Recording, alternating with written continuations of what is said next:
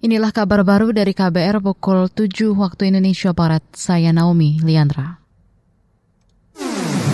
Kabar Pemilu. Kabar Pemilu. Komisi Pemilihan Umum KPU diminta segera menerapkan standar dan prinsip perlindungan data pribadi. Ini untuk menindaklanjuti dugaan kebocoran data pemilih pemilu 2024 dari situs KPU. Berulangnya bocoran data di KPU bakal berpengaruh pada integritas pemilu. Peneliti Lembaga Studi dan Advokasi Masyarakat Elsam, para Surama Pamungkas, menyoroti ketentuan di Undang-Undang Perlindungan Data Pribadi PDP yang cenderung menyasar sektor swasta.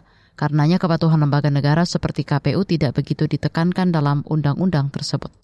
Kita bisa lihat paling tidak dari uh, sanksi yang dituangkan di dalam Undang-Undang PDP yang mana bisa kita simpulkan bahwa timpang ya antara sanksi terhadap sektor privat dan sanksi terhadap sektor publik itu yang pertama. Terus yang kedua, kita juga bisa simak betul di dalam kebijakan-kebijakan internal terutama kita belum nampak dan belum melihat adanya kebijakan mengenai pelindungan data pribadi yang mana seharusnya itu menjadi amanat langsung dari Undang-Undang PDP. Peneliti Elsam Para Surama Pamungkas meminta KPU segera melakukan investigasi internal terkait dugaan kebocoran data pemilih. Bawaslu mesti memastikan KPU melindungi data pribadi pemilih agar integritas pemilu terjaga. Kata dia, Badan Siber dan Sandi Negara BSSN juga mesti mengevaluasi penerapan standar keamanan aplikasi khusus KPU. Kita ke soal ekonomi. Presiden Joko Widodo meminta anggaran belanja pemerintah pusat maupun daerah direalisasikan secepatnya. Sebab jelang akhir 2023, serapan anggaran pemerintah pusat baru mencapai 74 persen, sedangkan pemerintah daerah 64 persen.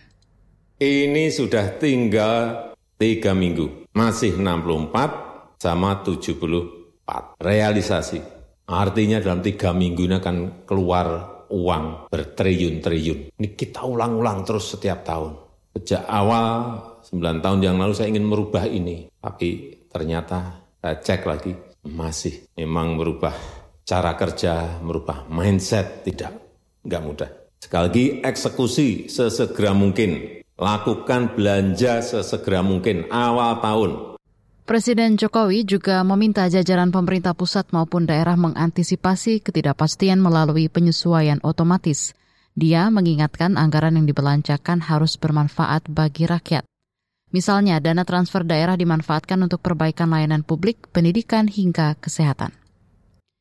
Beralih ke informasi olahraga, kondisi betis pebulu tangkis ganda putri Indonesia Apriani Rahayu sudah hampir pulih. Pada kejuaraan Cina Master 2023, peraih emas Olimpiade Tokyo ini lagi-lagi harus mundur karena cedera betis. Saat itu Apri dan pasangannya Siti Fadia tengah melawan wakil Perancis di babak kedua. Kini Apri dan Fadi terus berlatih untuk persiapan jelang World Tour Final di Hangzhou, China pada 13 hingga 17 Desember mendatang. Di turnamen puncak ini, tim Merah Putih meloloskan 6 wakil. Apri dan Fadi menjadi satu-satunya wakil di ganda putri. Hal sama terjadi di nomor tunggal putri yang hanya mengandalkan Gregoria Mariska Tunjung. Lalu di tunggal putra ada dua wakil, yakni Jonathan Christie dan Anthony Ginting. Kemudian ganda putra ada pasangan Fajar Alfian, Rian Ardianto, dan duet Sohibul Fikri Bagas Maulana. Adapun di ganda campuran, Indonesia tanpa wakil. Saudara demikian kabar baru dari KBR, saya Naomi Liandra.